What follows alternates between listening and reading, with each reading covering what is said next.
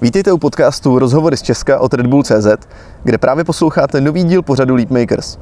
V pořadu vás čekají rozhovory s lidmi, kteří jsou podle nás úspěšní, ať už to jsou bezdomovci, umělci, spisovatelé nebo i hodně bohatí lidé. Chceme vám ukázat, že i když se dneska o štěstí a úspěchu nejčastěji mluví ve spojení s penězi a slávou, vede k tomu spousta cest. A vidíme, že má mnohem větší smysl hledat tu svoji vlastní, než se za něčím slepě hnát. Proto vám v různých epizodách ukazujeme příklady lidí, kteří podle nás svoji cestu našli, nebo se na ní uměli aspoň vydat a žijí díky tomu spokojenější život. Můžete se inspirovat k tomu, jak sebrat odvahu a být na sebe opravdu hrdí na konci dne, ale taky až se jednou ohlídnete za celým svým životem. Jedním z příkladů takového člověka je podle mě i dnešní host Juraj Sutoris. Jehož neuvěřitelně silný příběh skvěle ukazuje, jak na sobě makat od úplného lidského dna a že se tak dá dostat až na vrchol ve svém oboru. Jeho příběh je doopravdy jak z amerického filmu a rozhovor s ním je jednou z nejsilnějších osobních zpovědí, kterou jsem kdy zažil. Natočili jsme ji víc než před rokem, kdy se Juraj o svůj příběh podělil veřejně úplně poprvé. Trvalo přes rok, než se rozhodl ho pustit ven a dovolil nám tento rozhovor vydat. Juraj jsem potkal na jedné z mých konzultací jako talentovaného obchodníka a upřímného člověka, který se rozhodl udělat životní změnu a vyměnit zaměstnání za podnikání na volné noze. V současnosti pomáhá obchodníkům a marketákům z celé republiky a inspiruje veřejnost svým příběhem odrazu od úplného dna společnosti. Juraj můžete sledovat na jeho webu příběhyodvahy.cz, spojeného s podcastem a na jeho osobním Facebooku a LinkedInu. A jinak já jsem Miky Škoda, zakladatel X-Challenge, autor knihy Můžeš podělat cokoliv, podnikatelský mentor a cestovatel. Podcast uvádím s kolegou a dobrým kamarádem Matoušem Vinčem, autorem Travel Bible, cestovatelem, fotografem a publicistou. Vedeme společně projekty v rámci platformy Leapmakers i v rámci X-Challenge, kde už na začátku listopadu proběhne druhá největší akce letošního roku.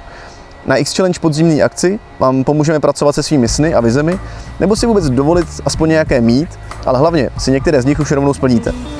A vzhledem k tomu, že náš dnešní host s tímhle tématem hodně souvisí, s největší pravděpodobností ho na X-Challenge podzimní akci potkáte taky.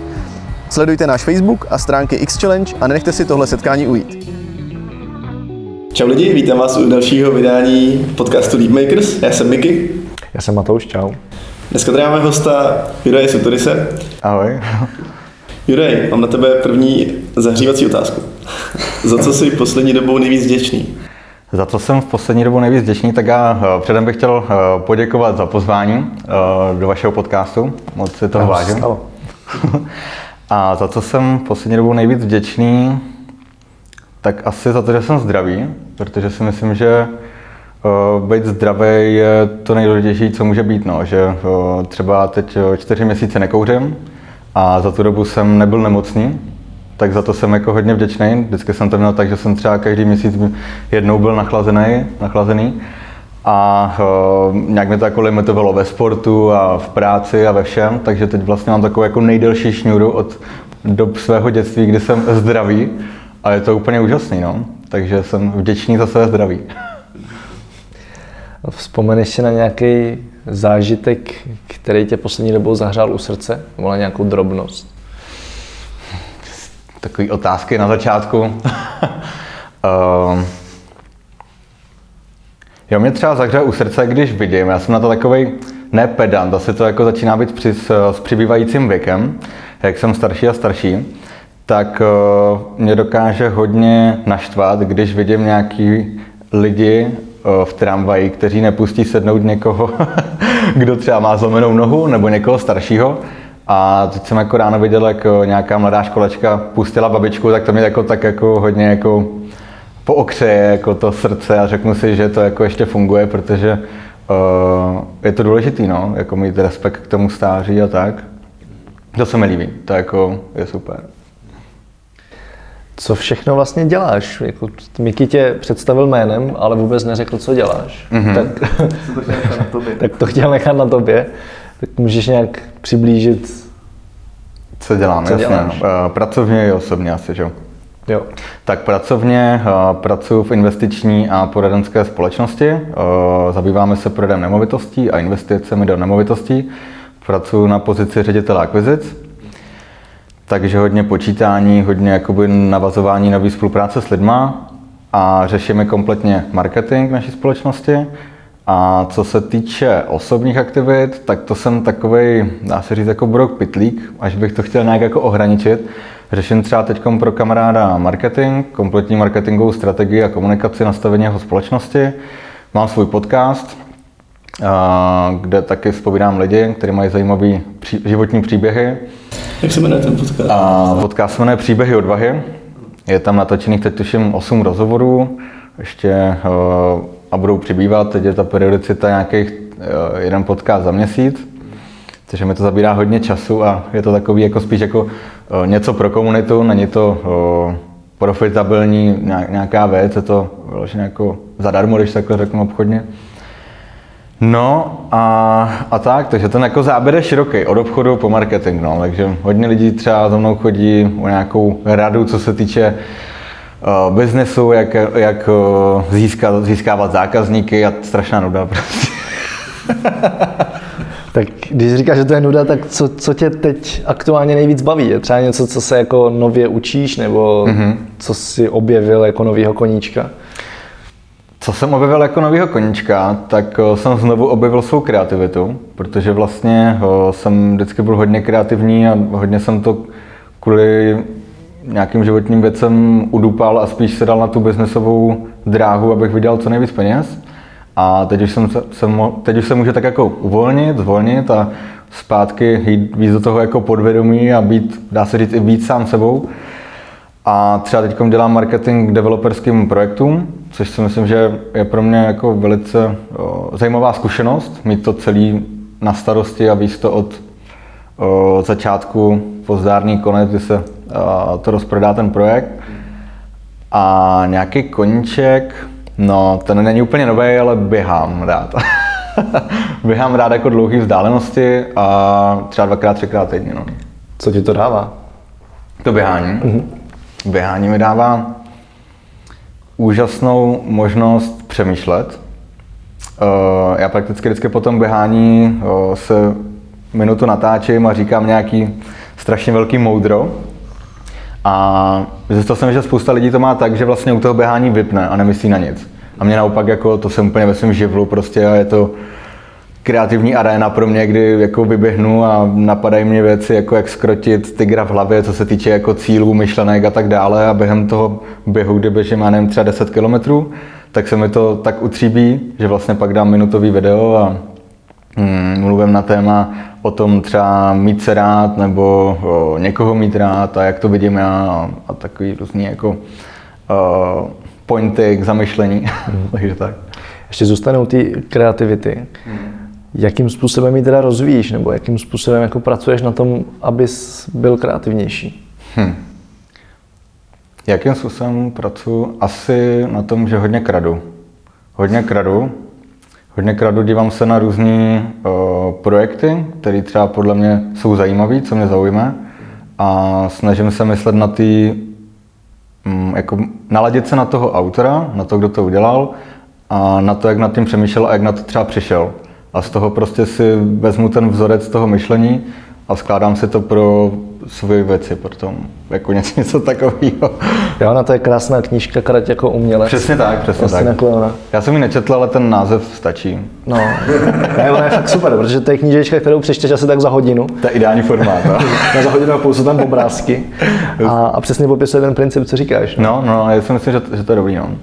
Já jsem od stejný, stejného autora vlastně teď přečetl uh, Ukaž, co děláš, mm-hmm. uh, což je pro mě takový nový. Já jsem vždycky byl takový strašně jako sobec a nic neukážu prostě a neporadím zadarmo a uh, já vím všechno nejlíp a prostě tady je moje ego a jako já jsem si zažil tohle a prostě jako, co ty mi budeš říkat.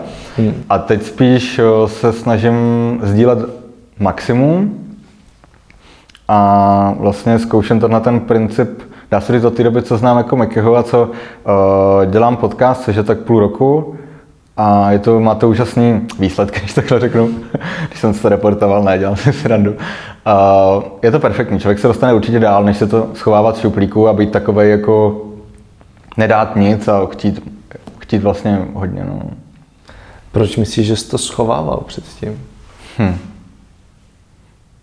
Zajímavá otázka. Asi to bylo možná na základě nějakých zkušenostech, kdy jsem se bál, že když něco takhle řeknu, tak druhý to použije a řekne, že to je jeho třeba, protože se mi to jednou jako stalo uh, minulý práci, kdy jsem jako vymyslel projekt a všechno a chtěl jsem do toho tu společnost vzít jako partnera a na konci, kdy jsem vlastně na tom pracoval zhruba nevím, pár měsíců, tři, čtyři měsíce, měl jsem to fakt vymakaný, prostě tabulky a plány a všechno, tak vlastně na konci mi řekli, že ten projekt je jejich a že děkujou. Mm-hmm. Úžasná zkušenost, jako tohle jsou prostě takový ty jako, to z člověka dělá Ironmana. Mm. Takže jsem byl takový, jako, že jsem si hodně mm, cenil všech věcí, které jsem znal, protože jsem takový člověk, který jako hodně čte, hodně se zajímá. Myslím si, že mám přesah do hodně, chci z oboru, ale hodně věcí, protože vždycky mě třeba něco strašně nadchlo a pak jsem od toho šel pryč, ale vycocal jsem jakoby ten citron jako hodně do nějaký obecný, přes nějakou obecnou rovinu. Takže nějaké znalosti jsem z toho načerpal a různě to jako používám jako v tom mixu, když někomu chci něco teď předat, no, ale asi protože jsem se bál, že mi to třeba někdo ukradne, nebo mm, jsem za to chtěl být jako oceněný a bál jsem se, že budu také nedoceněný, jako no, možná dětský přístup hodně. Hmm.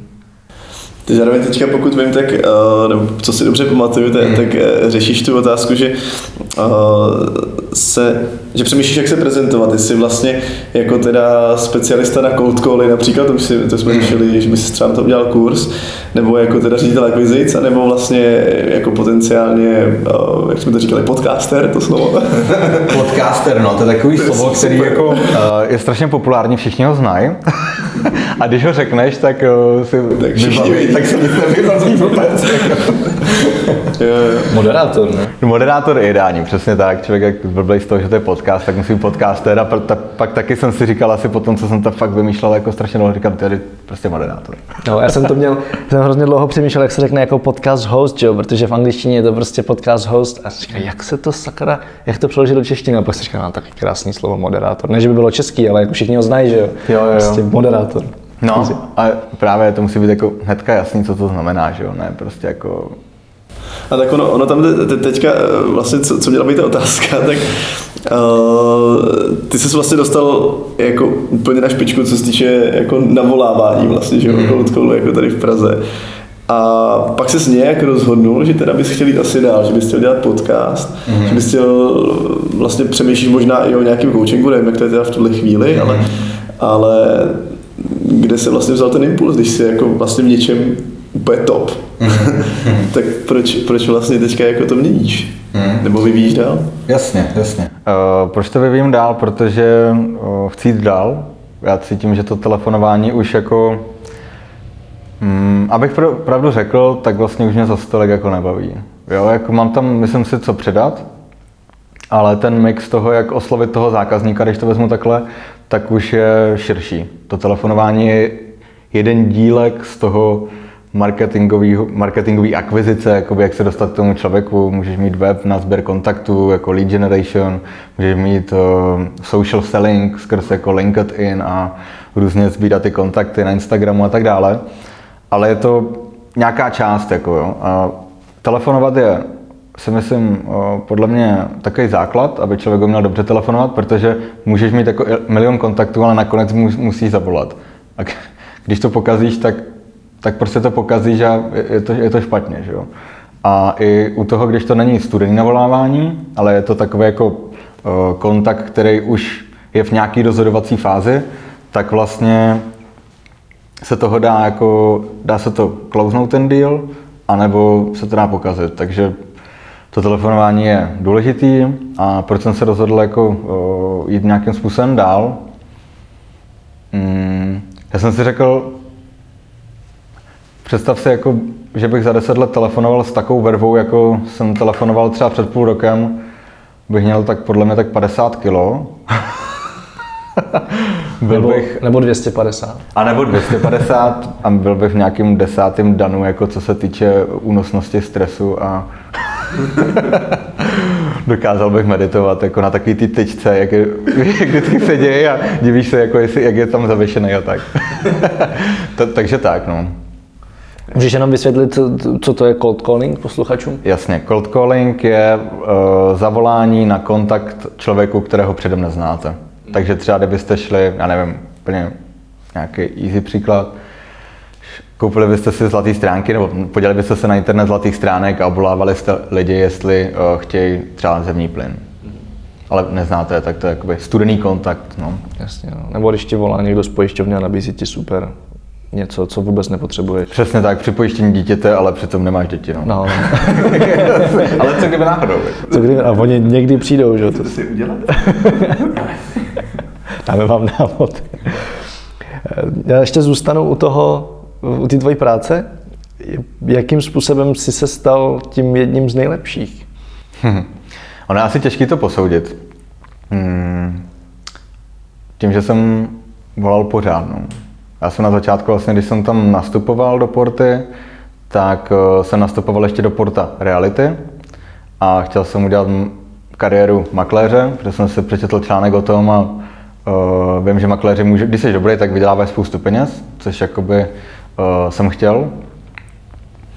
A začínal jsem tam vlastně na pronájmech, což je, na tom si nejdřív vybiješ zuby, protože dopoledne navoláváš, odpoledne uh, chodíš po náborech za těma majitelama těch nemovitostí a večer prodáváš, takže běháš jako od 7 do 9, takhle, taký kolečko. A já vlastně mě přijmuli, dali mě nějaké školení, vlastně, co to je byt, že mám řešit pronájmy, že se jmenují Porta Reality. A dali mě telefon, ať prostě začnu navolávat, tak jsem navolával a za hodinu se navolalo asi 13 bytů. Tak jsem si říkal, to je, to je asi jako dobrý, takže jsem poznal, že to je nějaká moje super schopnost. Ale bych to uvedl na pravou míru, tak už předtím, asi pět let zpátky jsem navolával za Outu, to jsem dělal podobný prodej. Dobrý den, jako my optimalizujeme uh, internetové připojení a služby v okolí, takže jsme jezdili po těch vesnicích. A předtím jsem byl ještě asi půl roku v realice taky, no, týče. Takže hmm, abych se vrátil k té otázce, tak vlastně hodně, jako dá se, že jsem si o tom hodně načetl, hodně zkoušel, a ono, já si myslím, že když člověk dělá nějakou činnost, uh, tak ji dělá nějakým způsobem automaticky a neřeší to. Ale každá činnost je, se dá naučit jako řemeslo. Tak jsem k tomu telefonování začal přistupovat jako k řemeslu a začal jsem řešit třeba tóninu hlasu, to jak sedím, to, že prostě třeba vím, že moderátoři dělají v rádiu, začínající moderátoři dělají vlastně to, že uh, takhle mám telefon a tady se dám třeba plešáka nebo nějakou fotku a mluvím jakoby k té fotce. Takže si představovat tu druhou stranu. No to hodně jako člověk, tomu si říkám, musím personifikovat jako si tu osobu. Jo? A uh, ono, když člověk začátku navolává, je mladý, tak je takový jako drze, je to takový ten jako Charlie Sheen uh, z Vlka z Wall Street. On je to super, Charlie Sheen. Cha- Charlie Sheen uh, z toho, z, um, z Wall Street asi. No. Ale počkej, to se jmenoval jinak. tak teď jsem úplně to, ale... To jedno. Jasně, jasně. všichni ví, no, jasně, no. Já ne, ale to je jedno. jasně, je ten film o, o Wall Street, no. Jordan Belfort. No, no, no, ale ještě předtím byl jako Wall Street, jako, jasně, v pohodě. Uh, s tím, že to, uh, jsem k tomu tak přistupoval a nejdůležitější je podle mě, vlastně ono stačí jako celý školení o telefonování může být zhrnuto do jedné věty, jako poslouchejte druhou stranu, co vám říká. To je celý. Protože jsou případy, třeba řeknu historku z natáčení, to je fakt vtipný. Jako. Kolega Jarda uh, z práce, tak vlastně uh, navolává a my potom jako jsme na začátku, když nastoupil do firmy, tak jsme rozebírali ty hovory. A my jsme si je nahrávali, což se nesmí, jo. Ale dobrý, nahrávali, nahrávali jsme si je. A teď to jako posloucháme, ne? A teď jako, jako tý paní. No a máte tam jako výtah? A ona, pane, jako uh, eh, XY, jako, viděl jste ten dům? No. On má jako jedno patro, tak... tak je dobrý jako vědět, s kým člověk mluví a proč mu volá, no, určitě, takže... Takže tak, no a nemá cenu jako na babičku, která jako to zvedne a ano, tak je to jako dobrý den u telefonu Juraj Sutoris. Chci vám nabídnout úplně unikátní příležitost, jako, to není nezabere, no. Chcete se to jako naladit na, na tu její flow, na tu její energii a pak, pak to funguje, no, ta chemie. Já kolikrát se ani nebavím o tom, že vlastně uh, jí něco nabídnout nebo něco, bavíme se třeba o knížkách, že třeba ráda čte, tak říká, no taky, co teď čtete, a je to tak a na konci, a co jste vlastně chtěl, to je ideální prostě. Tomu se teď říká dokonce jako prospecting, myslím, teď to přišlo z Ameriky, jako skutečné zjišťování zákazníkových potřeb. tak ono to, tu jednu větu, jak jsi říkal, poslouchat druhého člověka, to by se dalo aplikovat na vztahy a jo. na celý život vlastně, že? Je, jo, je to tak, no. Já jsi říkal, že jsi chtěl vydělat spoustu peněz, proč to tak bylo? Co tě k tomu vedlo? Uh, protože jsem mládí, asi v 19 letech, byl tak jako napůl uvrtaný a napůl uh, omámený tím, že jsem mohl jako jít do podnikání. A z toho podnikání potom mě zašly nemalé dluhy, asi milion dvěstě, které jsem musel splatit. A jakoby na ten hlavní pracovní poměr v 25 vám čl, jako lidi moc jako ten zaměstnavatel nenabídne zrovna možnost si to rychle splatit. Já jsem takhle splácel kolik 9, 10 let, 9 let. Mám to vlastně splacený rok. A stálo to hodně úsilí a tak a pomohlo mi v tom určitě jako ty nemovitosti, ty reality. No. Tam jsem měl možnost po, já nevím, po třech letech, teď jsem tam k pěti letům, a člověk si vydělá víc než v normálním zaměstnání, to určitě, když je šikovný a snaží se a, a ustojí třeba nějaký stres a nějaký, jako, jak bych to řekl, vyždímání a nastaví si to v hlavě tak, že vydrží, to je nejdůležitější prostě. No.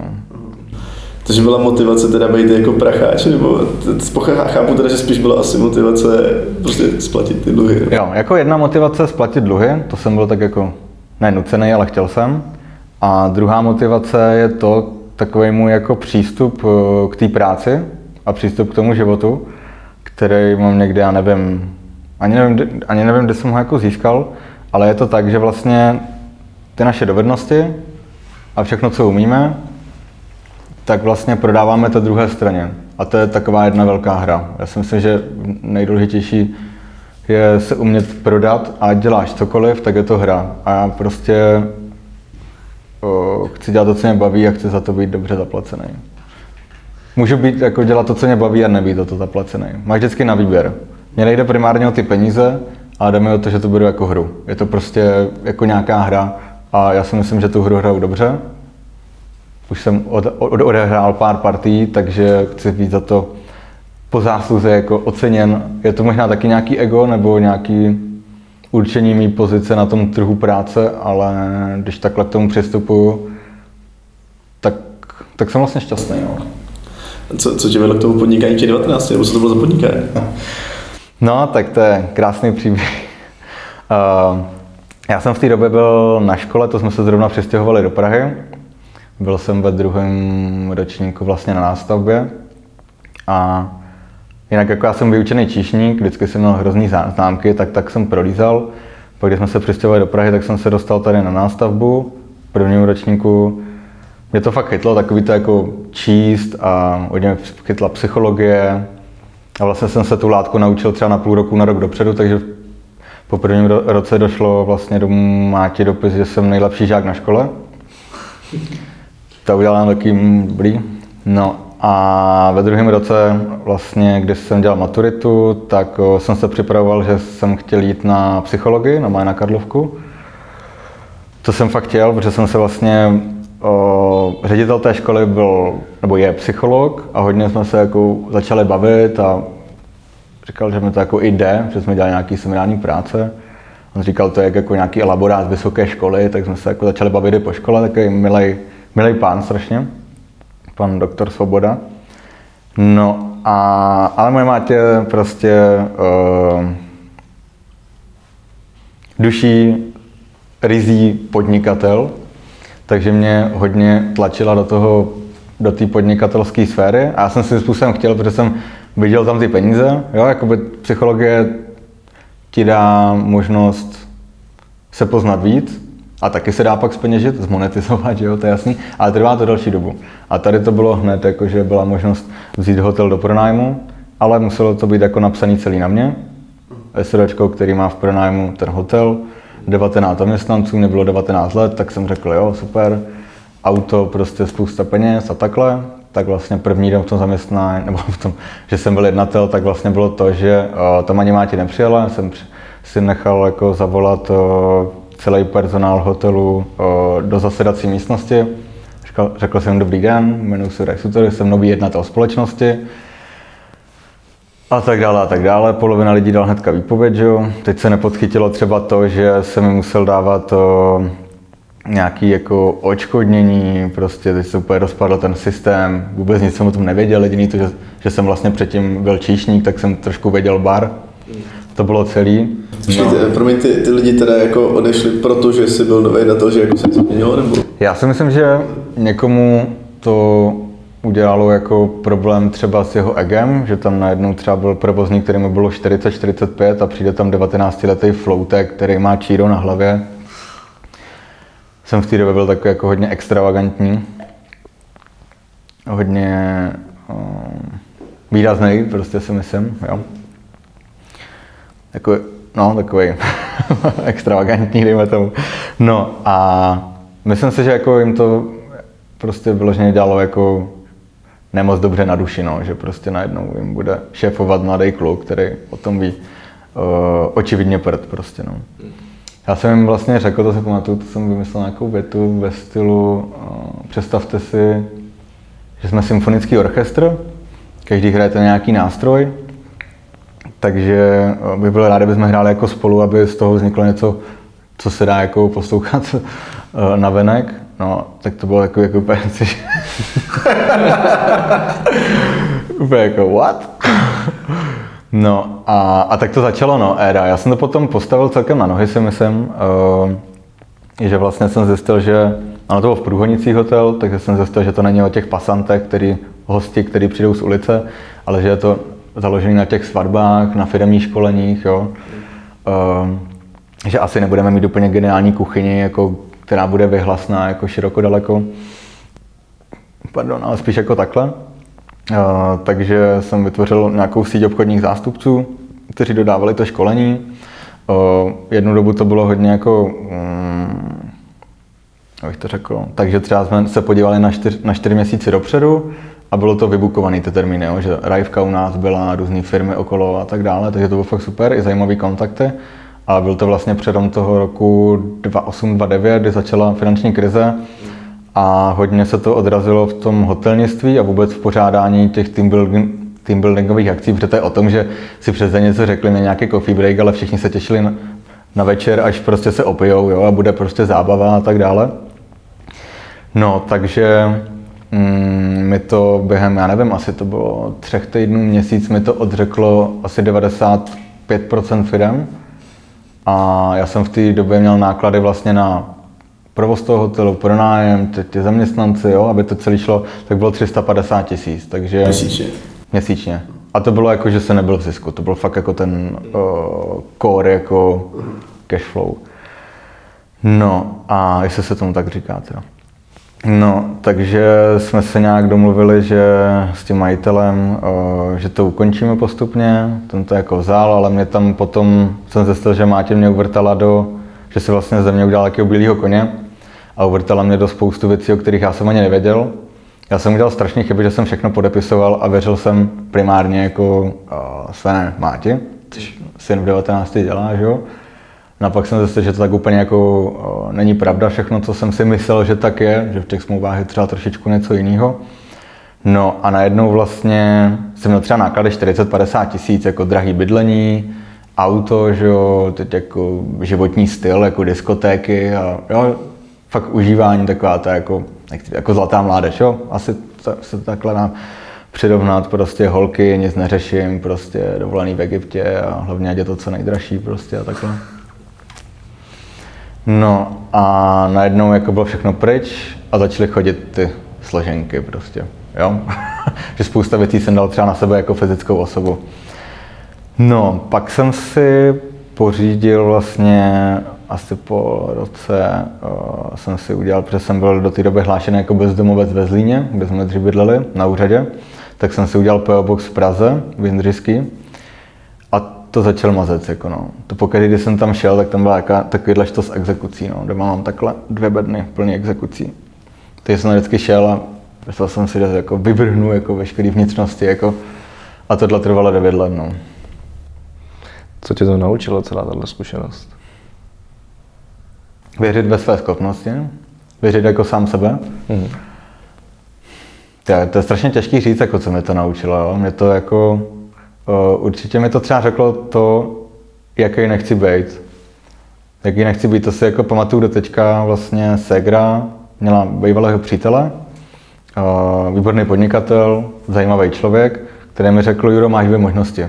Buď se můžeš zdrhnout do zahraničí a prostě uh, tady to zavřít, Českou republiku, Prahu, anebo se s tím můžeš poprat. No a já v té době jsem si vybral, jako, že se s tím chce poprat, no, tak jsem se s tím popral. A kdyby mi někdo řekl, že to bude trvat 9 let a bude to takový jako mazec prostě, tak do toho určitě nejdu nikdy už, bych zdrhl a změnil si, změnil si jméno a stal bych se nějakým asi, já nevím, nějakou ženou. Někde z Kalifornie prostě. Je to fakt těžký, no, není, to jednoduchý, no. Takhle, když to řeknu, tak vlastně jako co mi to dalo, no, co mi to dalo. Ono mi to spíš jako něco vzalo, a já jsem si to pak musel vybudovat.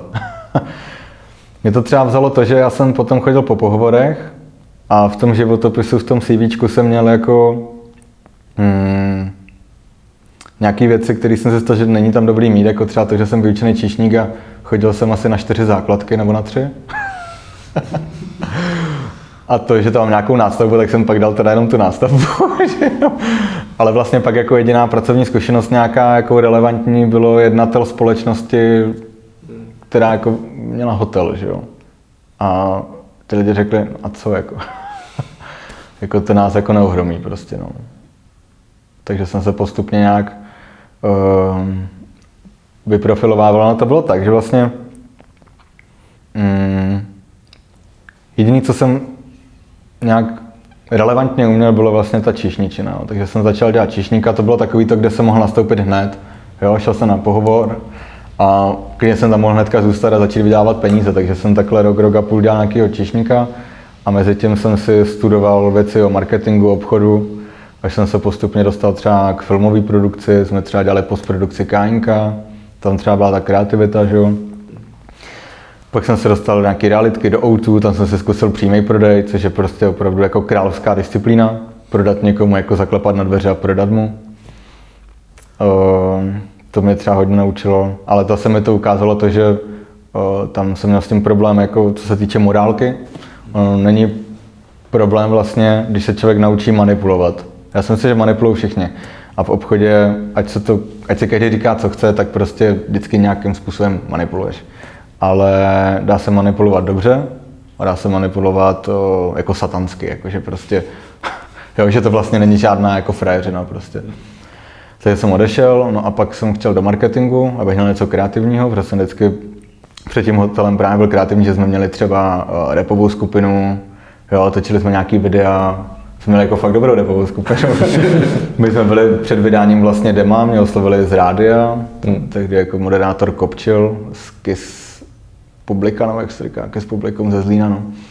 A měl jsem nahrát nějaký hit s, s, s jednou holkou, co byla zpěvačka tak. Jmenovala se Luzka Bílá, ne? no, to ne.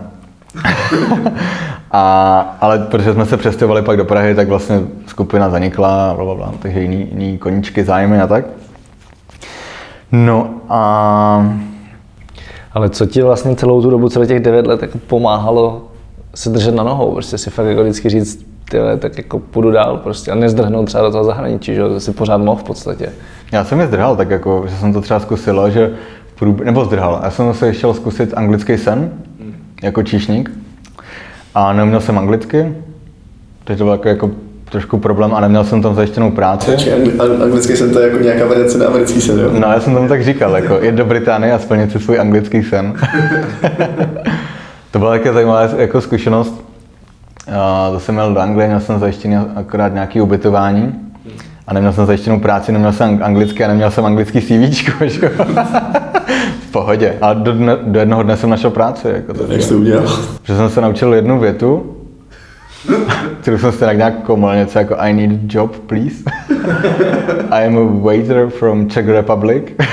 I have many experience, to vždycky zabíralo jako tak jsem prostě šel do obchodáku a chodil jsem od kavárny k pizzerce, až nakonec jako nějaký Sicilan, co tam měl pizzerku, mi dal jako možnost mít nádobí, jídlo zdarma, To je úplně vždycky nejlepší na těch restauracích. Jídlo zdarma a pak mě dal peníze na ruku. No.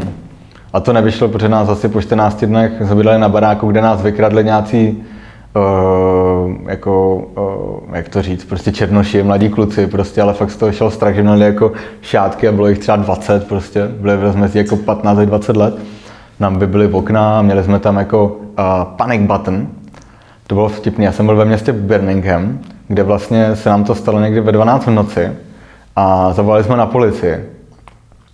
No, za 6 hodin přijela, přijela policie. Jste úplně geniální, jako. Za 6 hodin přijela policie, nějak to s náma řešila, pak nám přivezli jako, jako skřínku a jako, že to je panic button, jako když se něco bude dít, ať to stiskneme. Super, tak jsme zabednili okna, protože jsme měli vysklený. No a asi za týden se zase jako něco dělo, tak jsme to stiskli a oni zase přijeli za 6 hodin. a tak člověk ušetřil za zavolání aspoň. No. No a my jsme měli nějakou barbecue party, nebo jak se to říká, prostě takovou tu víkendovou, kde jsme byli vlastně za barákem a grilovali jsme. No a ti kluci nás vykradli jako uh, předem baráku.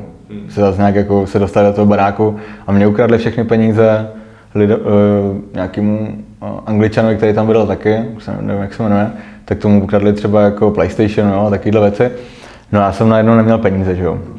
Tak jsem zavolal do Čech, někdo mi poslal peníze na letenku akorát a do týdne jsem byl doma, no. To bylo taky jako blbý, no. To mě jako vzalo veškerý iluze. Což jsi takhle zkoušel jako teda utíkat, byl jste úspěšný? A... No, no, to bylo třeba do té Anglie, pak jsem jel do Švédska, to byla super jako zkušenost do CVčka na sběr borůvek. to jsme jeli jako autem na sever Švédska do vesničky Asele. Uh, přijeli jsme tam. Nejlepší byla jako u Stockholmu ta navigace, jako pokračujte 2,5 tisíce kilometrů rovně. to bylo fakt super. No, přijeli jsme tam a teď takové jako rusáci, ne, holohlaví, prostě říkám, no, a s Mercedesem, říkám, tak teď je to úplně jako v prdeli, to je špatně. Tak jsme měli nějakou jako lesíkem a nakonec jsme přijeli do nějakého, jakoby nevím, středisko jak na tábory, jo, nebo něco takového. A tam byli i další Češi, takže v pohodě. Akorát jsme zjistili, že v okruhu jako asi 100 kilometrů všechno vyzbírali uh, Filipíňani, nebo jak se tomu... Filipínci. Filipínci, uh, kteří tam byli pozvaní o dva měsíce dopředu. Takže ty, abys jako něco nazbíral, tak si musel jít jako třeba 50 kilometrů, což se ti nevyplatí zase jako benzínově, že jo. A oni pak ty bodůvky vykupovali a do nějaké farmaceutické společnosti. Takže tam jsem byla, nevím, asi měsíc prostě, než mě docveklo, že vlastně nic nevědělám. a jel jsem zase zpátky no, do té Prahy. OK, a to, dobře, takže super, jako, že si ti dařilo. No, ale tak eh, jako fakt, co, co tě tam vlastně jako drželo nad vodou, jako co, co si člověk, protože z toho, co říkáš, tak to působí, že jsi musel být fakt na dně, protože ještě když jsi říkal, jak jsi chodil do té Jindřišský a, hmm. a že ti prostě bylo blbý po každý, se otevřel tu schránku, tak, tak, tak co ti, dokážeš nějak jako rozklíčovat, co vlastně jako tě, tě drželo, protože někdo by možná, nevím, Jo, možná ne každý by se s tím nakonec byl schopný vyrovnat a dál splácet, jo. Jako ta motivace musí klesat, bych tak řekl, nebo mm. jak, jak, jak, jak, ti to fungovalo v té hlavě? Hele, pro mě to možná bylo jako takový jako získat si zpátky nějakou svoji jako čest, jo, že já jsem tím byl tak jako hodně ponížený, protože vlastně já jsem v tom hotelu zaměstnával hodně kamarádů, kteří vlastně, když hotel skončil, tak odjeli, najednou jako nebyli. A chtěl jsem nějak jako ukázat vlastně jako, že něco umím, jo. Samozřejmě jsem jako začal hodně pít a experimentovat a uh, to mi podlomilo hodně kolena na, na třeba jako čtyři roky. Teď už vlastně tři roky uh, plně abstinu, nepiju, čtyři měsíce nekouřím a jsem na sebe hrdý. Naučil jsem se mít rád, jako fakt, fakt mít rád, protože jsem si uvědomil, že když člověk chce mít rád nebo milovat eh, někoho, tak se musí naučit nejdřív mít rád sám sebe. A vůbec to nemusí být sobecký. Protože eh, jestli teda se jako takhle můžu zeptat, tak říká, jestli třeba i pil nebo takhle, tak, tak jakože, uh, protože já třeba si nepřipadám, že, že, že bych uh, potřeboval říkat, kdy abstinu nebo kdy ne, takže to bylo asi v nějaký větší míře, nebo jak to mm. Jo, bylo to ve větší míře, no. Tak můj otec vlastně alkoholik a gambler, a matka podle mě byla závislá na prášcích, no. Co jsem neviděl od 12 a matku teď vlastně přes 7 let.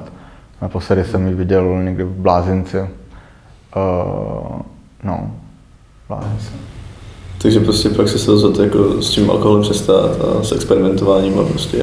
Jo, v té době, to bylo třeba těch sedm let zpátky, tak uh, jsem v tom byl až takzvaně po uši. Uh, že prostě jsem se utápěl jako uh, v té jiné realitě. No a chtěl jsem se z toho dostat. Tak jsem poslal přání do vesmíru, že bych chtěl s tím něco dělat a je jako fakt zajímavý, že člověk, když něco opravdu chce, tak to přitáhne. Tak jsem se seznámil vlastně s mou nynější ženou, která by jako fakt pro mě byla jak seslání jako ty vyšší moci jako toho anděla pro mě. Tak pro mě to byla jako taková motivace. Uh, dát se, dát se dokupy, tak jsem se našel stabilní zaměstnání, to byla vlastně první ta anonce, kde jsem začínal jako asistent marketingu, postupně jsem se vypracoval na marketingového specialistu, kde jsem měl na starosti kampaně pro celou republiku. Out of home, jako billboardy a komunikaci ne online. A, mm, no, ale člověk, když chce jako přestat s drogama, tak a to není úplně tak. jo, ta závislost tam prostě je. Eh, jak na alkoholu, protože v té chvíli, když člověk to začne řešit, tak zjistí, že je závislý. Ono se říká, že vlastně jako představte si takový jako kopeček a ty nevíš, na jaký seš úrovni toho kopce. Jakmile seš tady, tak si ještě nedošel k té své míře únosnosti, eh, konzumaci těch drog, ale jakmile seš tady anebo zatím, tak vlastně už si překročil nějaký nějaký high peak, jako nějakou úroveň té závislosti, kdy už jsi na celý život závislý. To třeba spousta lidí... že to nebyl teda jenom alkohol. Jako, nemusíme to rozebírat nějak jako detailně. Byly to i tvrdé drogy, no. Já jsem zkušený s tvrdýma drogama, no. Uh, já bych teda chtěl, aby to sloužilo pro lidi, kteří s tím mají problém a bojí se, jo, že prostě v tom nejsou sami a že existuje spousta lidí, kteří vám dokážou pomoct, třeba spousta jako skupin terapeutických a, a je to zdarma ta péče a takovéhle věci. No, byl jsem pak jako třeba i na léčení v hlavě tři měsíce, kdy jsem teda úplně jako tvrdě spadl na zem, kdy vlastně uh, já jsem tam byl ještě, vlastně jsem nastoupil jako Pražák, že jo, nastoupil jsem na léčení a tam jsou různý oddělení. Oni mi dali primár, eh, prostě primárně na to nejhorší oddělení, kde jsou, nebo takhle máš prostě ABC a dali mě na B, který je zamřížovaný, v kuřárně byl jenom kýbl, prostě, na kterým vždycky seděl ten největší boss, tak to bylo jak prostě někde jako z kriminále. A jsou tam kluci a holky, kteří to mají nařízení soudně. Máš ústavní léčbu. A ty jsi tam byl dobrovolně, ale... Já jsem tam byl dobrovolně, no. To je a, a vlastně uh, byl jsem z toho takový dost vystrašený, že tam třeba uh, mimo večera, kde se šlo spát, tak vlastně jsi musel mít chodidla, když jsi chtěl sednout, tak jsi musel mít na postel. Nemohl se zlehnout na postel a musel jsi mít chodidla na zemi a nesmí být otřený a takhle, jo. to bys dostal nějaký černý body a pak bys neměl žádný výhody a tak musel prostě držet tu disciplínu a řád prostě. Okay. to, je, to je hustý, no. Protože první, co, když vlastně chceš řešit problém se závislostí, tak je důležitý zpátky získat nějakou tu disciplínu a řád. Jo. Třeba to, že jsme stávali v 6 hodin, první byly rajony, každý měl na starosti jinou část, prostě si třeba uklízel záchody nebo společní prostory a tak dále. Pak byla kontrola, pak je ranní komunita, kdy se řeší nějaké věci a pak je různě ten program, jo, jako celý den. No po týdnu, po, 14, po 14 dnech mě dali na to Ačko, na to jako volnější oddělení, což bylo super. No a tam člověk na sobě začíná postupně pracovat, že třeba máš různé skupiny, máš jako o, životopisnou skupinu, tam může třeba méně lidí, 4-5 lidí, že ty napíšeš svůj životopis na 10 stránek a uvědomíš si spoustu věcí prostě, jo, že ty kráso, kde to vlastně jsem, jako a takovéhle věci. Nemáš žádné vycházky, nemůžeš domů prostě, můžeš mít jenom mobil a takovéhle věci. No a postupně na sebe pracuješ a procházíš těma fázema a, a tak, no. A to byla vlastně práce jako na, taky na hodně let, no. Co tě teda jako přimělo nakonec na to léčení teda dojít? Jako, bylo to spojený s tvojí přítelkyní? Nebo? Jo, určitě taky jako s, s přítelkyní, to je jasný. Uh, od ní jako maximální podpora. Tam je takový úplně magická věc, že já jsem vlastně bral ještě když jsem byl s ní a ona to nevěděla. Jo.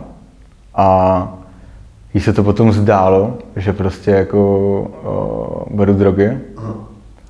A zeptala se mi na to, jestli beru drogy. A jsem se rozbrčil, říkám, jak to víš prostě.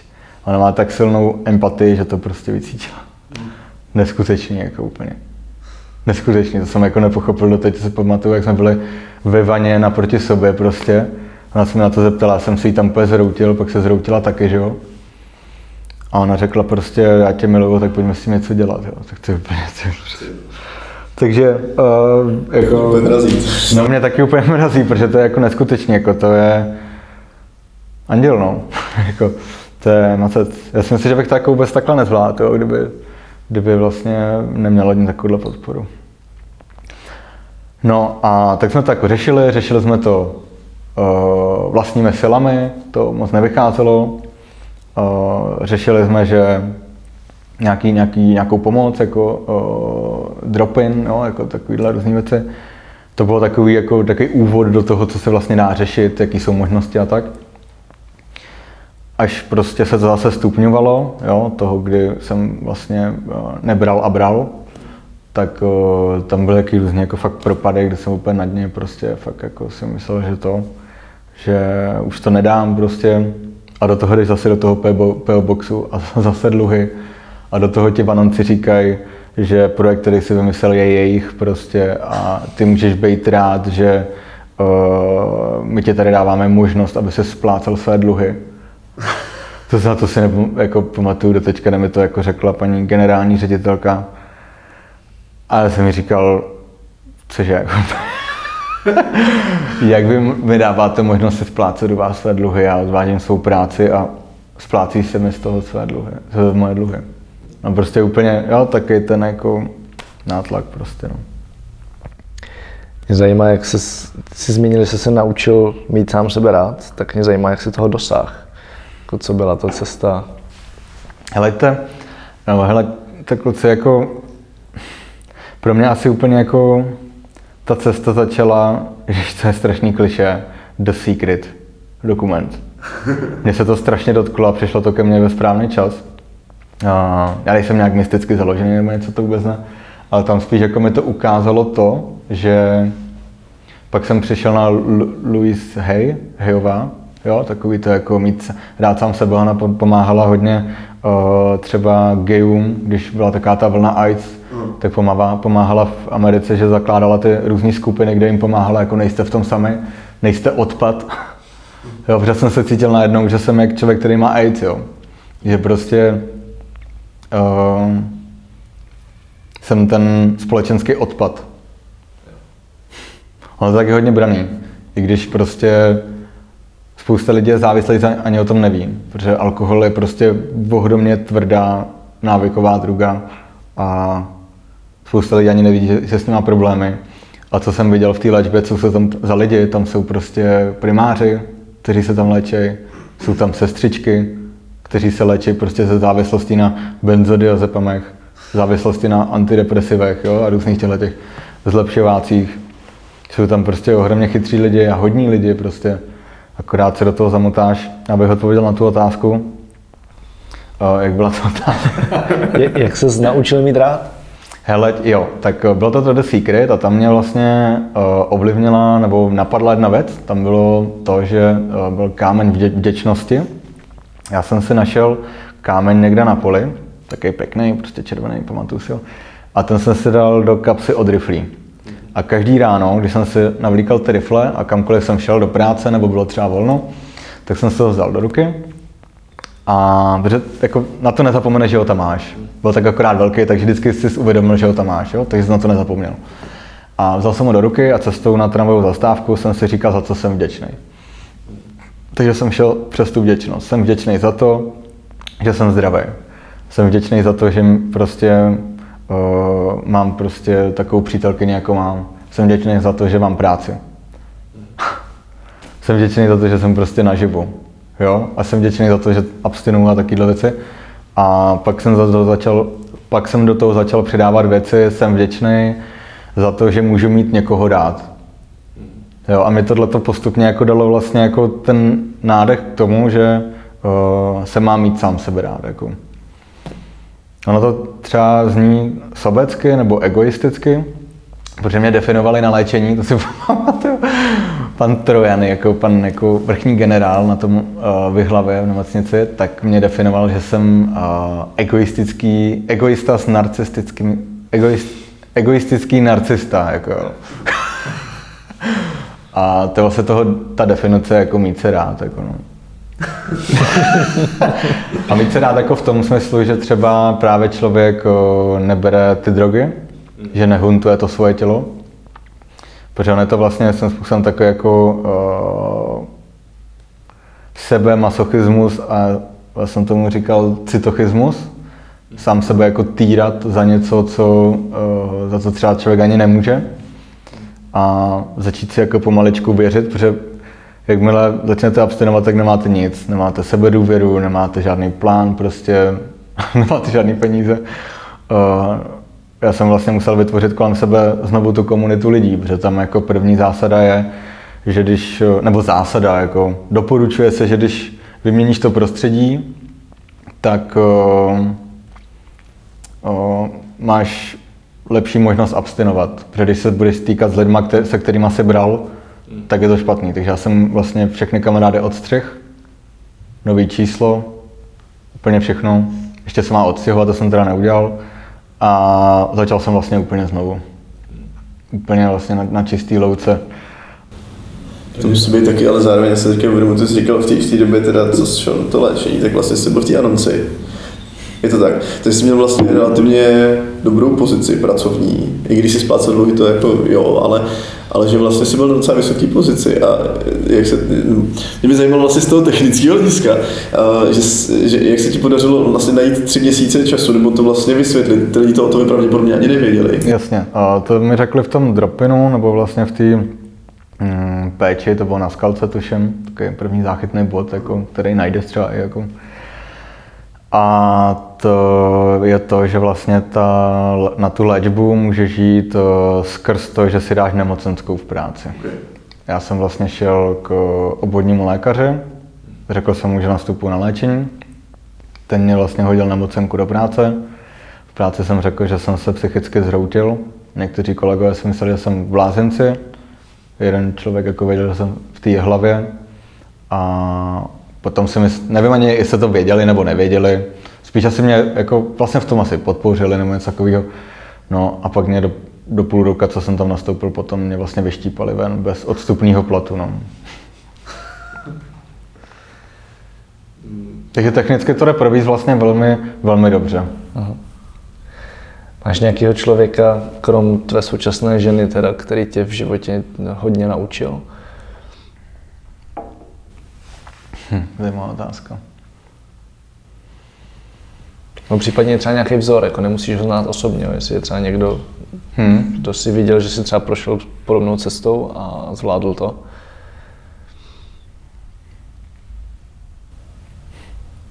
Já jsem ty lidi jako začal postupně objevovat, no. Já se teď úplně nepamatuju, protože už jakoby o nich, o nich nečtu. Ale to bylo spíš jako vždycky takový střípek, že třeba někdo něco řekl, jo. Někdo něco řekl a mě se to prostě dotklo. Uh,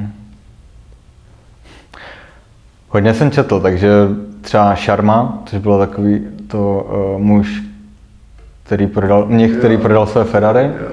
To mě přivedlo k tomu nějaký ty vizualizace těch snů. Já jsem to pak hodně začal stavět na tomhle tom, na tom jako uh, dreamboardu, jo, na těch nástěnkách snů a vizí a co vlastně v životě chci a, a, a tak, ale že bych vyloženě měl takhle někoho, kdo by mě ovlivnil, tak bývalý přítel asi Máti, byl výborný obchodník a tam od něho jsem viděl tu disciplínu a ten řád a toho, že chlap má prostě makat, tak se mi líbil takový ten archetyp toho, že uh, on byl strašně, nebo je strašně oblíbený a přitom obchoduje, jo, takový jako výborný člověk.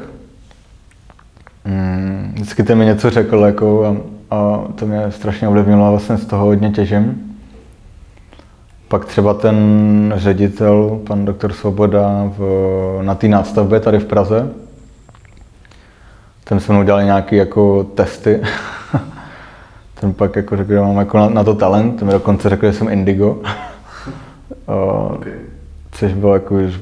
To můžeš taky možná objasnit indigový děti. Indigový děti ty byly narozený po roku, já nevím, 80. letech, po roku 85, s tím, že tam je hodně mm, význačný v tom, že neuznávají třeba moc autority, dokážou se hodně, jako neuznávají, nebo uznávají autority, který mají jako nějaký přirozený respekt, eh, vyzařují nějakou větší dávku kreativity a hledají často jiný, jiný, najdou jiný řešení v nějakých zaběhnutých vzorcích, což eh, nevím, jestli jsem indigo nebo nejsem. Každopádně tomu z toho vyšlo prostě a to mě hodně jako podpořilo no, v, tom, v, těch, v těch věcech. No. Těch lidí bude asi hodně, který jsem potkal na té své cestě. No.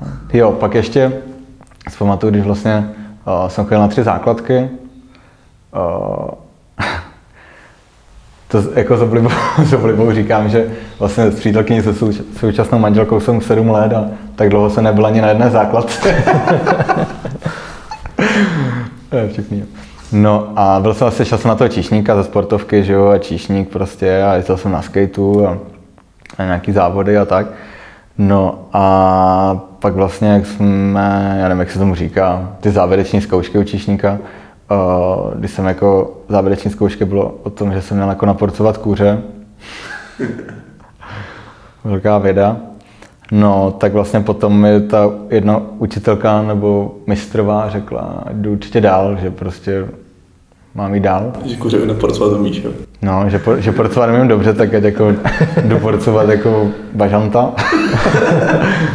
no, tak to mi třeba podpořilo, že mi to ukázalo v tom, že prostě asi nejsem úplně blbej. Hmm.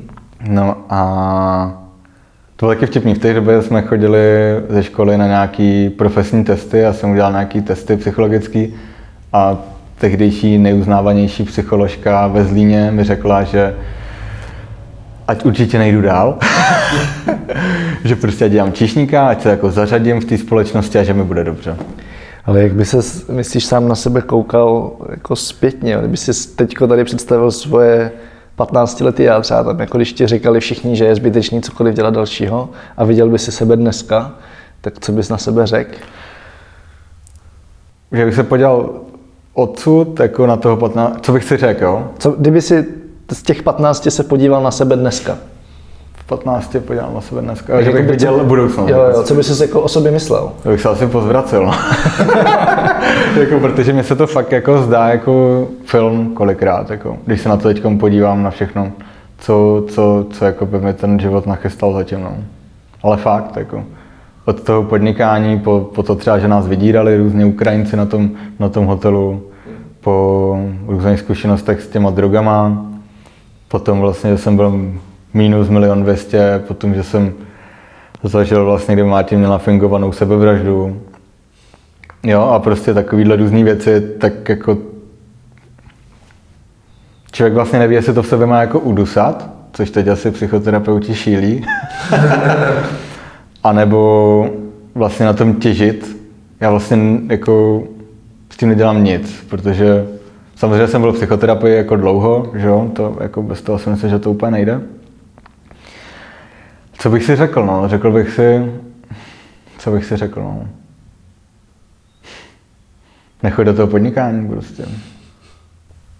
Hmm. Myslíš, že bys jako, kdybys to takhle viděl, tak myslíš, že bys poslechl tu učitelku, která ti řekla, že máš jít dál? Kdybys věděl, co tě čeká? Jo, asi jo. jo. Hmm. Já jsem jako, víš co, já jsem to měl hodně tak, že vlastně hmm, naše se rozvedli, oni měli autosalon v Napajedlích po, po revoluci, kde prodávali SIG car Napajedla, kde vozili auta z Německa, byli jako, jsme fakt bohatí. Hmm. Pak se to nějak, nevím, slyším verzi od babičky od teď, takže nevíš, jako každý si něco rád přidá a tak dále. Takže nevím, jak to bylo, ale najednou byli rozvedení, eh, podnikání skončilo a měli jsme dluhy. Hmm. No a já jsem byl na normální základce, pak jsem udělal testy na takovou výběrovou základku s rozšířenou výukou jazyku, tak vlastně jsem tam šel do čtvrtý třídy, pak v šestý třídě nebo v páté třídě jsme měli velkou havárku, kdy o, dostal řidič mikrospánek a my jsme spali. Takže jsem se probudil vlastně, když jsme jeli z Prahy, tak někde u Jihlavy. O, když bylo auto jako na zůru nohama, hořelo, já jsem byl první, který vyběhl z toho auta. Pak jsem nějak jako do bezvědomí, všude kři, krev prostě, pak jsem nějak jako probrali. A přilítal tam vrtulník, že Máti vezli do jejich hlavy do nemocnice, ta byla nějak půl roku v komatu. Nás převezli do Zlína, ale neměl se o nás jako kdo starat moc, takže jsme jeli k tetě do Pardubic. Tam jsme byli nějaký čas, nevím, nevím kolik přesně, pár měsíců. A pak teda jako zpátky do té školy a co se mnou, že jo? Buď to opakovat ročník nebo přestoupit na jinou základku. Takže jsem přestoupil uh, na sportovku. Uh, já jsem basket, to bylo takový super, to byla vlastně lehčí základka, hodně sportu. No a takový to začaly cigárka, že jo, marihuana a takový ten život toho prostě normálního kluka, si myslím, no. 14 letého, 15. skate a hlavně se neučit a tak. No a pak vlastně jsem se jako spřáhl s partou kluků, kteří bydleli okolo nás, na Jižňákách ve Zlíně, na sídlišti. A to byli kluci třeba, kteří byli na Gimplu, anebo prostě hodně chytrý kluci. A vím, že jeden vítěz se připravoval do Prahy na výšku, na Fildu, na filozofickou fakultu a hodně četl takového toho Platona, jo, takovou tu řeckou literaturu a, a vlastně jsme se začali bavit o takových těch věcech jako hmm, je tady něco víc než, než my. Jo? Někdo už jako hodně přemýšlel o tom a něco o tom napsal.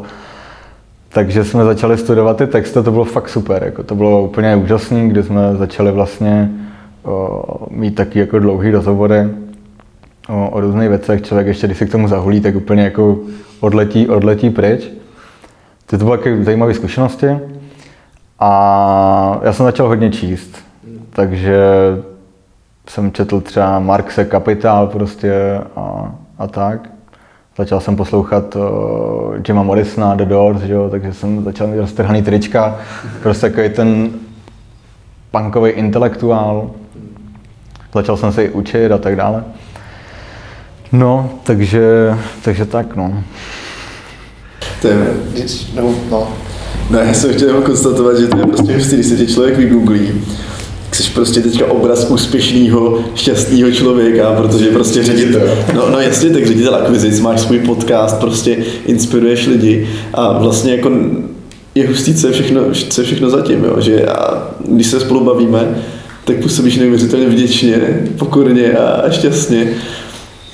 Takže jako já ani nevím, co na to říct. Já jsem chtěl jen tak jako, jako konstatovat, že vlastně bylo i zajímavý na začátku tohohle rozhovoru, jsme řešili, že si teda řešil akvizic, jak se s tomu dostal, jo, k prodeji cold hmm. calling a takhle. A teďka jsme někde úplně jinde a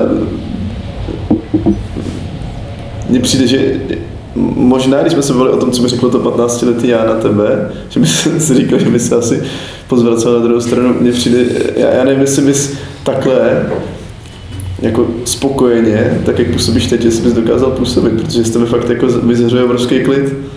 Na mě teda osobně. jo. jo, celkem jo. Jasně, no. Uh, no, hele, já si myslím, že člověk jako, no víš co, jakoby dnešní doba je hodně o těch instantních řešeních a uh, já třeba nezavrhu motivační literaturu, protože mi opravdu pomohla. I když je to taková ta populárně naučná motivační literatura, třeba jako pozitivní myšlení od Napoleona Hilla. Někdo to může vzít, že to je vlastně motivační bulvár, pro mě je to něco, co mi ukázalo možnou cestu, protože jako to, že jsem to vystavil na pozitivní myšlení, až jsem jako kolikrát čtval okolí, že proč jsi tak přehnaně pozitivní, jako, tak mě to jo, umožnilo jít dál. Jako, jo. Že jako, když jsi ve sračkách, když tak řeknu, tak jako buď to tam budeš a zroutíš se z toho prostě a půjdeš dolů, a nebo si řekneš ne, budu prostě, já jsem šel na to přes tu pozitivní stránku, no. Já se možná ještě zastavím u těch knížek, jenom jak jsi tady zmínil. Hmm. A máš nějakých jako pár typů, co by si třeba podle tebe měli, dejme tomu, jako kdybys mohl všem maturantům rozdat dvě, tři knížky, tak jako máš něco, co bys jim rozdal, co by si určitě měli přečíst? myslím, že je super moc podvědomý dr. Joseph Murphy. Mm-hmm. To je super, jako. Ta knížka se ke mně dostala ani nevím jak a ohromně mi ovlivnila život. Mm-hmm. Tam je jedna taková pasáž, nevím, jestli řeknu přesně, protože to jsem vlastně četl přes 15 let, já jsem starý. tak tam bylo to, že uh, nějaký moderátor někde před nějakým výstupem asi v Las Vegas uh, vždycky před tím vystoupením strašná tréma, že jo? Strašná tréma a on začal vlastně pracovat s tím podvědomím a s tím pozitivním přístupem a že si vlastně jako uměl pomoct sám, jo? nějak nastavit to, aby byl v klidu. A to mi v těch 15 řeklo, aha, takže já nějak můžu ovlivňovat své chování. Teď to třeba přijde jako jasná věc, ale předtím mi to přišlo úplně wow, prostě. To je jako, my se můžeme nějak řídit, jo? že to je takový jako o, podvědomí prostě a, a takovýhle věci. Pak jsem četl hmm, Anthony de Saint-Exupéry Citadela, což byl vlastně spisovatel a letec tak to je zase taky úplně jako filozofická knížka, která řeší krásné otázky, kdy co věta, to si můžeš jako napsat výpisek jako a citaci a ohromná věta k zamyšlení. Já jsem si, že prostě je důležitý, no tyhle ty dvě knížky mě hodně ovlivnily. Hodně, no. Když to srovnáš třeba s Malým princem, tak... Malý princ. Protože to zná úplně každý, Malý princ, yes. malý, od tohohle autora. Mm. A takže to citadela teda... Je. Mnohonásobně nechci říct lepší, ale mi vlastně přijde i lepší, no já vlastně malého prince kolikrát jako nechápu prostě. Asi nejsem dostatečný dítě pořád, no.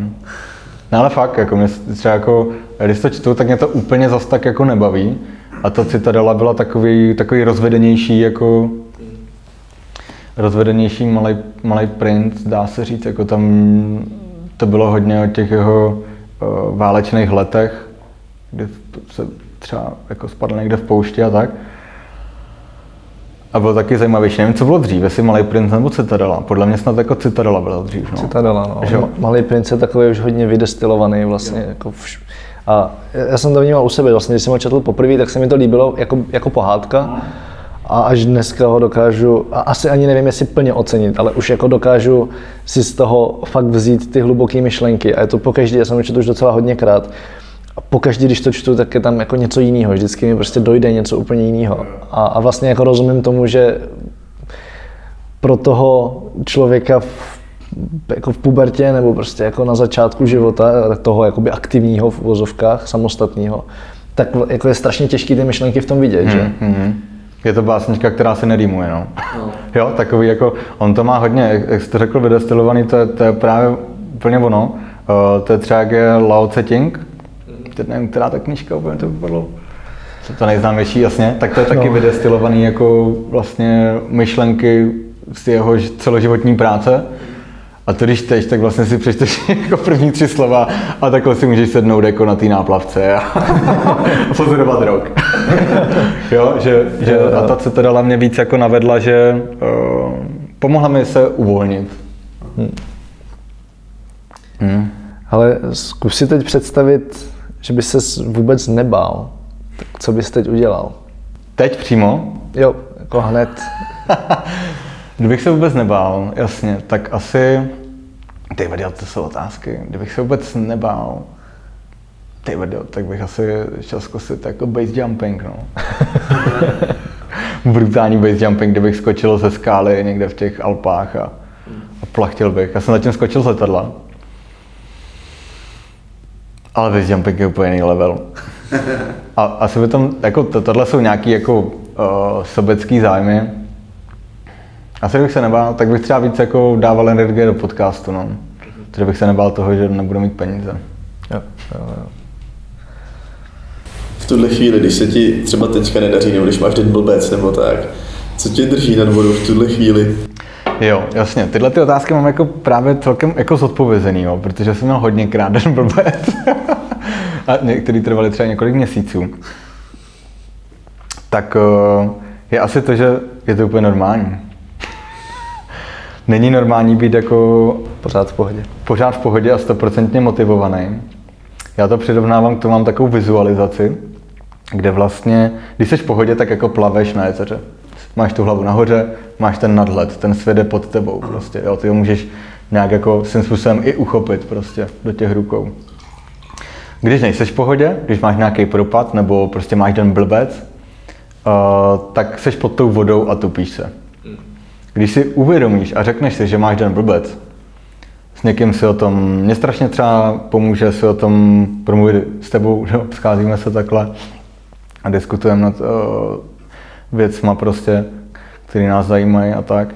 Uh, nebo to proberu s, jako s Anetkou, to je prostě úplně geniální, tak vlastně jako pomaličku jako se ti podaří to, že si uvědomíš, že vlastně jako máš den blbec a že je to normální, tak jako se ti po, pomaličku podaří vyplavat zpátky do té své jistoty, jo? Do, na, na, na, to jezero, kde máš tu hlavu nahoře a zase máš jako ty ruce pod kontrolou a můžeš dýchat, můžeš jako volně přijímat ten svět a tak.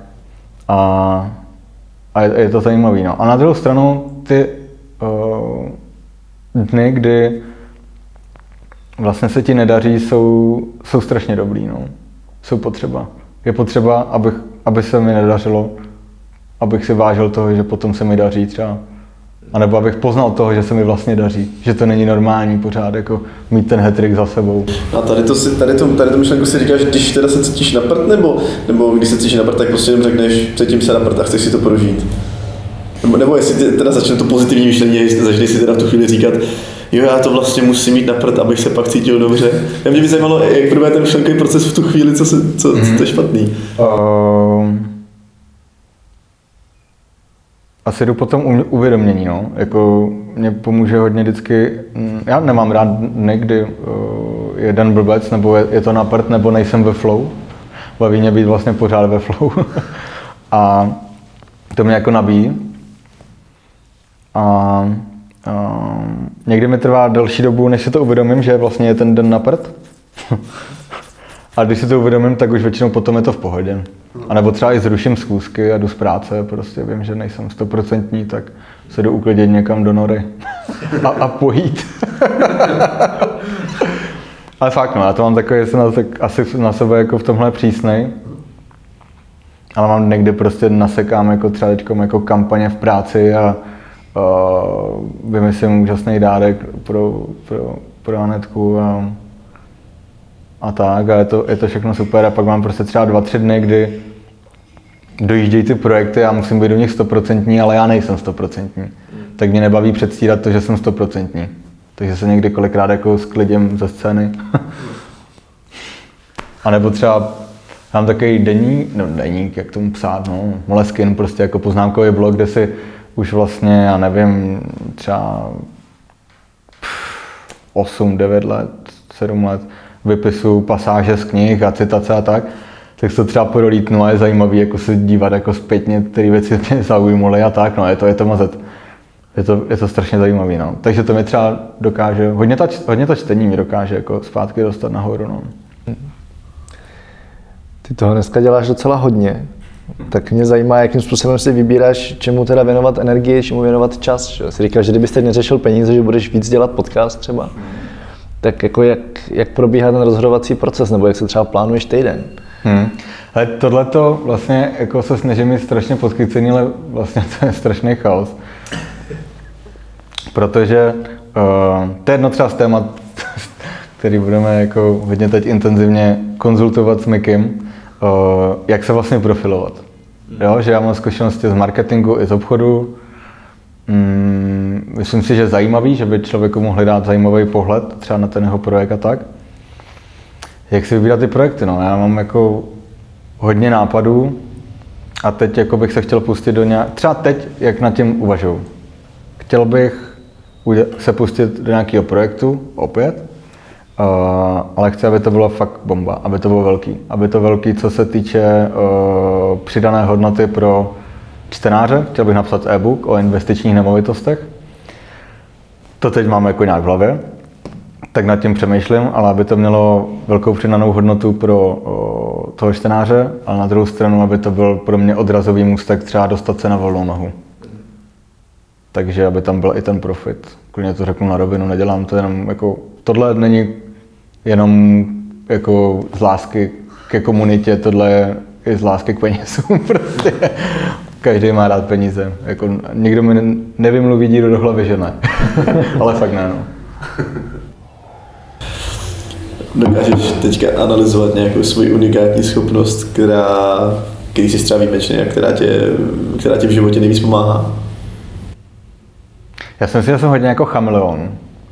Já jsem na tím přemýšlel, no, jako, jako nějaký super schopnosti, protože mám rád sci-fi, Avengers a tyhle ty všechny, tak prostě jsem chtěl definovat svoji super schopnost. Já si myslím, že to je uh, to přizpůsobivost obecně, že vlastně já do jakýkoliv práce, kam jsem šel, tak jsem se vyšplhal vždycky na nějaký pomyslný vrchol a předtím jsem o tom nevěděl zhola nic. a tohle to, no, jako přizpůsobit se a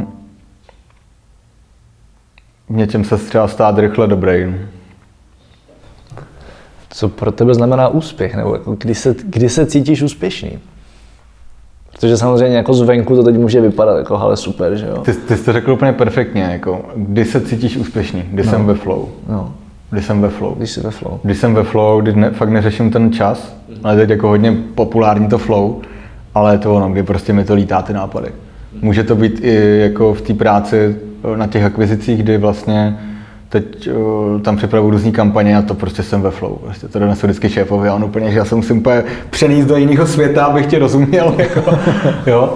A, a to je ono, může to být ve flow, kdy jsme teda třeba teď trhali jablka jako na našem pozemku. Mm-hmm. A mimochodem máme, máme první mošt, ti ve středu přinesu jako okoštovat, jako, to je úžasný úplně. Jo. Super. A může to být flow, já strašně miluju rozhovory se svojí manželkou, Protože já jsem snílek a ona je extrémně racionální. jako fakt neuvěřitelně chytrá žena pro mě a racionální. Že já vždycky jako takhle letím, prostě úplně ten prostě orel nahoru, prostě s tou tygří hlavou. A ona úplně, hele, jako co, jako prostě, jo, že vždycky úplně něco vytmavím, úplně jakýho toho snovýho a ona úplně, a co, jako, a k čemu to bude? Úplně jaký ten jako plesk, jako, jak je ten Superman, jak pleská něco. Jako.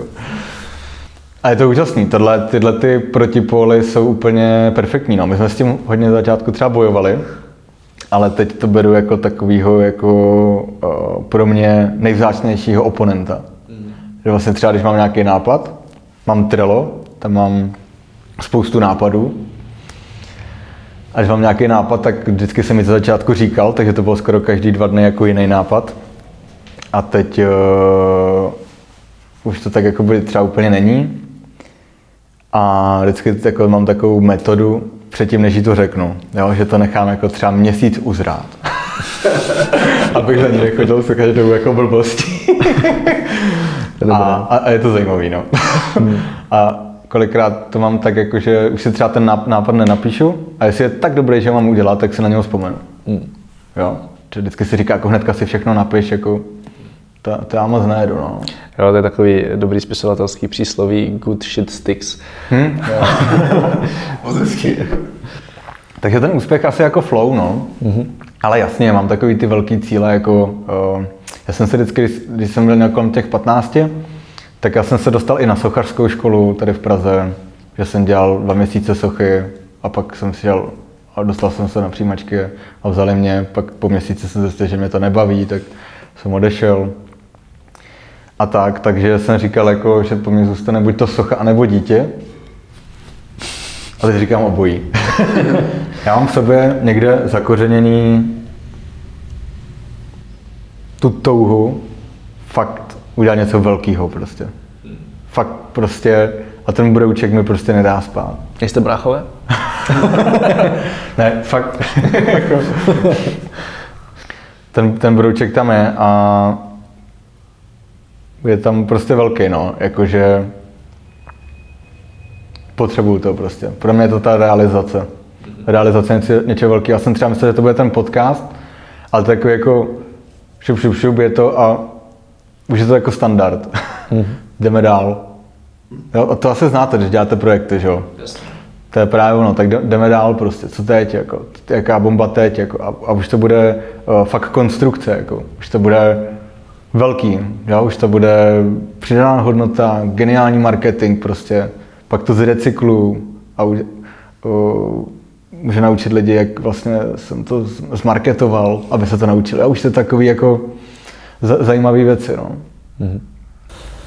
Dokážeš si vzpomenout, kdy jsi byl nejvíc šťastný? Ty jo. Já to trošku převrátím, dokážu si vzpomenout, kdy jsem byl nejvíc naposledy šťastný. Mm. To bylo to, kdy jsem doplatil dluhy. No. To normálně jsem úplně jako... to je ohromná úleva, no. Když vám třeba 6 let v kuse volají exekutoři, jako, že prostě vás najdou a že dluží, že a ponižují tě, tak je to blbý prostě, no. je to fakt blbý. Je to strašný, jako. Já vůbec nechápu, jak někdo může dělat takovou práci, taky to volání jako slovem toho exekutora. To je úplně nechutný prostě. A je to fakt problém, když člověk je v dluzích. To je normálně úplně šílený, jako. To je mazec. Já vlastně jsem bral v anonci 24 nebo 25 hrubýho, což bylo 19, 19,5 čistýho. A vlastně exekutor mi ty čtyři roky vzal všechno do té minimální mzdy. Mm. Takže musíš být mega v práci, ale bereš pladek prostě člověk na mnohonásobně nižší pozici. Hmm. Takže se možná člověk trošku naučí herectví, no já nevím. Jo, je to takový jako práce jako s těma emocemi, je tam ohromná, že jo, to je prostě... A proč si nemůžeš dovolit s náma na oběd, jo, když vlastně jako budeš pojít peníze, tak teď jako šušky, hušky, že jo, to je vlastně bulvár, když Juda má dluhy, jako, a přišla další, další exekuce, jako, Juro, jak to, že máš dluhy, jako, no, prostě úplně, spousta otázek, jako spousta pohledů a tak. No, byl jsem naposledy šťastný jako hodně, když vlastně jsme to nějak doplatili. Já jsem doplňující otázku, a proč, ale tady se asi ptát nemusím, proč si byl zrovna ne, já, já, já, tomu ještě jako doteďka ne, nevěřím, jo, že vlastně mám čistý štít. Unikátní prostě. Co pro tebe znamená svoboda? Protože jako vnímám, že v momentě, kdy jsi zatížený tolika dluhama, tak to je jako v podstatě i definice nesvobody, že jo, nemůžeš si dělat, co chceš vůbec. Tak, tak jako cítíš se teď svobodný a pokud jo, tak co to pro tebe vlastně je ta svoboda? Hele, necítím se úplně svobodný, protože pro někoho dělám, mm-hmm. takže budu se cítit úplně svobodný, až když budu na, na volné noze mm-hmm. a uh, všechna práce se podřídí mému životu, ne můj život se podřídí práci. To jako je heslo, který teď razím a tak to prostě bude. a, no, bylo to těžké jako se cítit svobodný, no, když tě jako svazoval ten systém, ale ani nevím, jak jsem to dělal, tyjo. Nějak asi jako přirozeně. Tak bylo to takový to, že, že prostě strašně jsem se s tím byl, strašně jsem se s tím byl, že prostě vždycky ti někdo ukázal, hele, ale jako mě spíš znamená, jako, zajímá, co pro tebe vůbec ta svoboda znamená. Jako, že co vlastně, jak bys si třeba definoval sám pro sebe? Jako. Jo, moje definice svobody, jo. No. Hm. Zatím se nikdy nepřemýšlel, tak moje definice svobody je prostě možná jako neplánovat si čas, no. mm-hmm. Asi tak, že vlastně pracovně pracuji na projektech, které mi dávají smysl a trávím jako hodně času s lidmi, které mám rád, no. To je moje definice svobody. Jasně, permanentní flow. No, no, no, to, to, to je jako by ono, jo, protože já si myslím, že tenhle ten zastaralý pracovní model jako 8 hodin uh, a pracovat na snu někoho jiného, já si teď mám hodně velký vnitřní konflikt, tam, že mě uslyší šéf. Ale to určitě tuším. A tak mi to vydáme až za pár měsíců. v pohodě. Takže, takže výpověď někde v létě. to je v pohodě. Já s tím mám ohromný vnitřní konflikt, no, že vlastně uh, teď pracuji na snu někoho jiného. Hmm. Jo, což prostě se mi příčí. Ale pomůžu mu ještě chvilku. To je prostě nějaký komunisticko-socialistický model, jako těch 8 hodin, že jo, pondělí až pátek, dřív se pracovalo pondělí až sobotu. A podle mě už to dávno nefunguje prostě. Hmm. Fakt ne.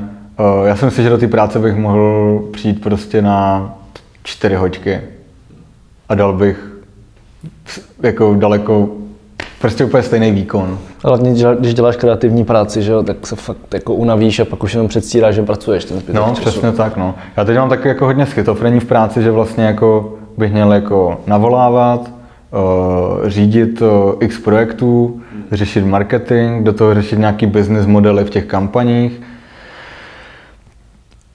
jak nabrat nemovitost, jak nabrat investora, jak, jak udělat marketing developerskému projektu.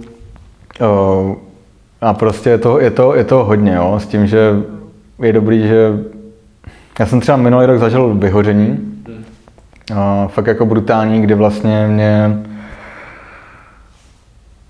den, jako skoro každý den začalo bolet strašně žaludek.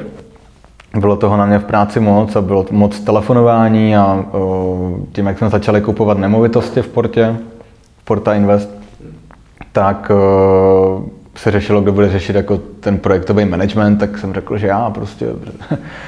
A pak jsem zjistil, že prostě už je toho moc a že takový chaos, který, do kterého nechci jít, takže se to řeší jako šéf sám. No, ale začal jsem tam prostě taky to vyhoření, no, jsem jako skončil, vlastně to mě vezla Anetka do nemocnice, kdy jsem jako skončil v křečích a nemohl jsem se ani hýbat skoro.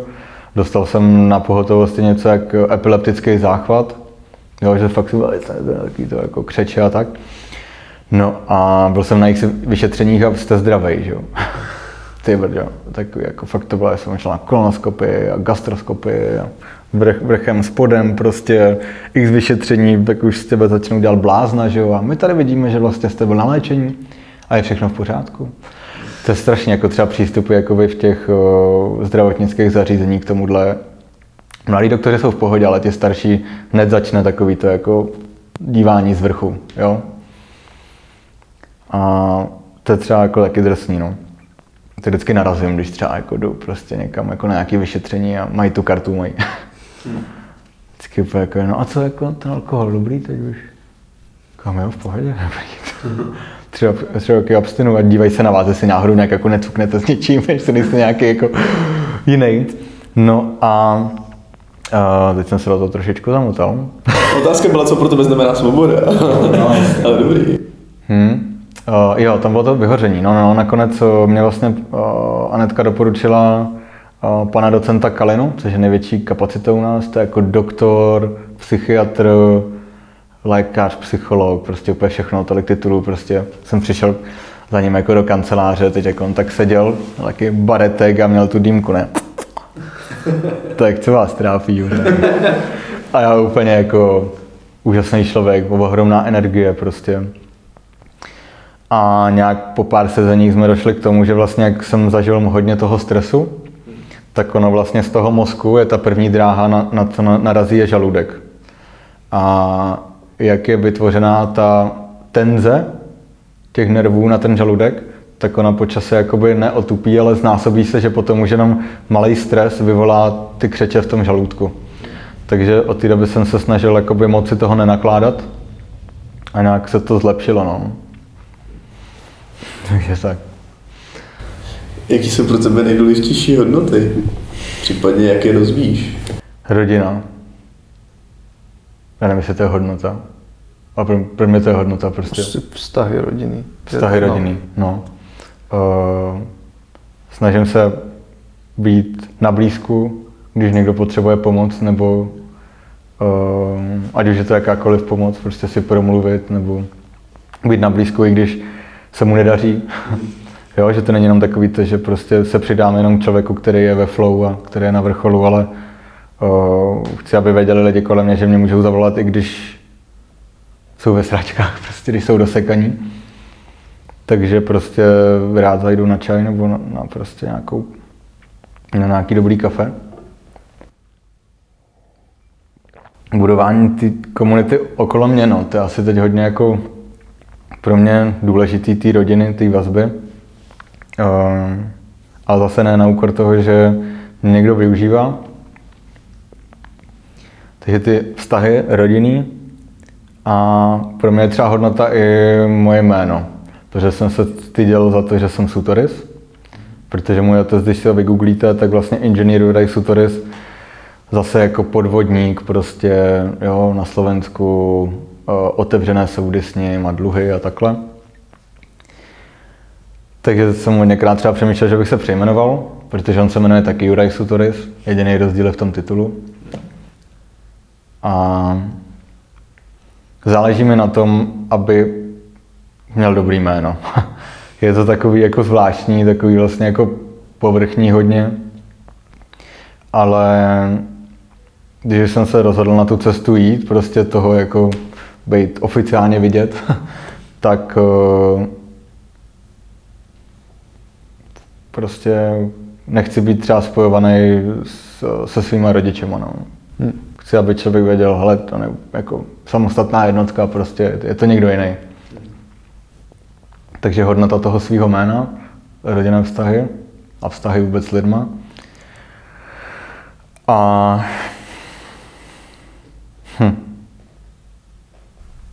Já myslím, že to je dost. Nemusíš přemýšlet úplně dál. Jako... Tak nám řekni třeba 10, Juraj. Jasně. Přesně, že příček musíš mít vystavený okamžitě. Jsi teďka šťastný? Já jsem teď úplně nejšťastnější. Když jsou tam třeba taky ty propady, že člověk není ve flow nebo tak, já jsem vlastně úplně šťastný. No. Já jsem úplně šťastný člověk a to fakt říkám jako od srdce prostě.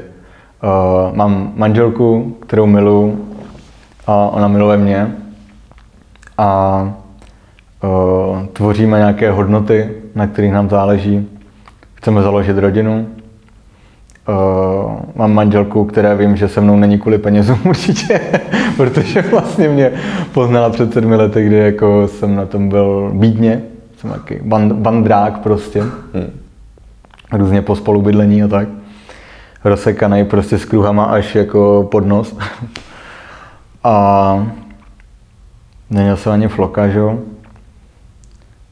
A prostě, um, jak, jsem, jak jsme třeba doplatili ty dluhy, říkám doplatili, protože třeba mi pomohla s, s jistou částí jako i, i Anetka, řeknu takhle.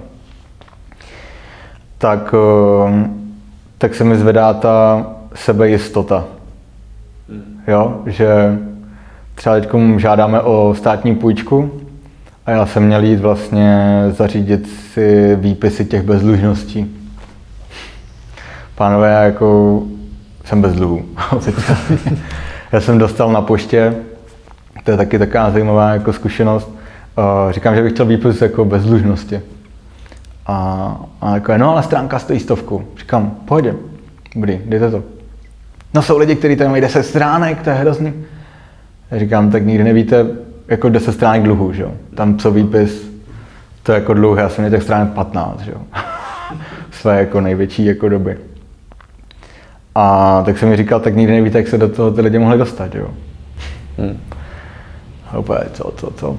A teď mě to dala jedna stránka, že jo, jako bezdlužnost, jako nemá dluhy se vám rozprečel, já jsem se vám, vám složil jako v poště, protože to úplně... Ještě teď mě to nahání takový ten jako to mravenčení, že bych jako uh, se klidně rozbrečel kvůli tomu, no, protože to je, to je mazec, no. Ale já mám úplně poslední otázku a díky za tu otevřenost. Hmm.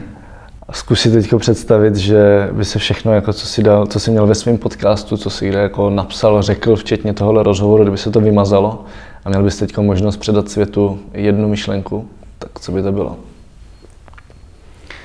To je úplně naprosto přesně. Věřte v sebe a někdy nestraťte svůj sen a jděte si za ním. Super. Tak děkuji moc za rozhovor. Já taky děkuji, pánové.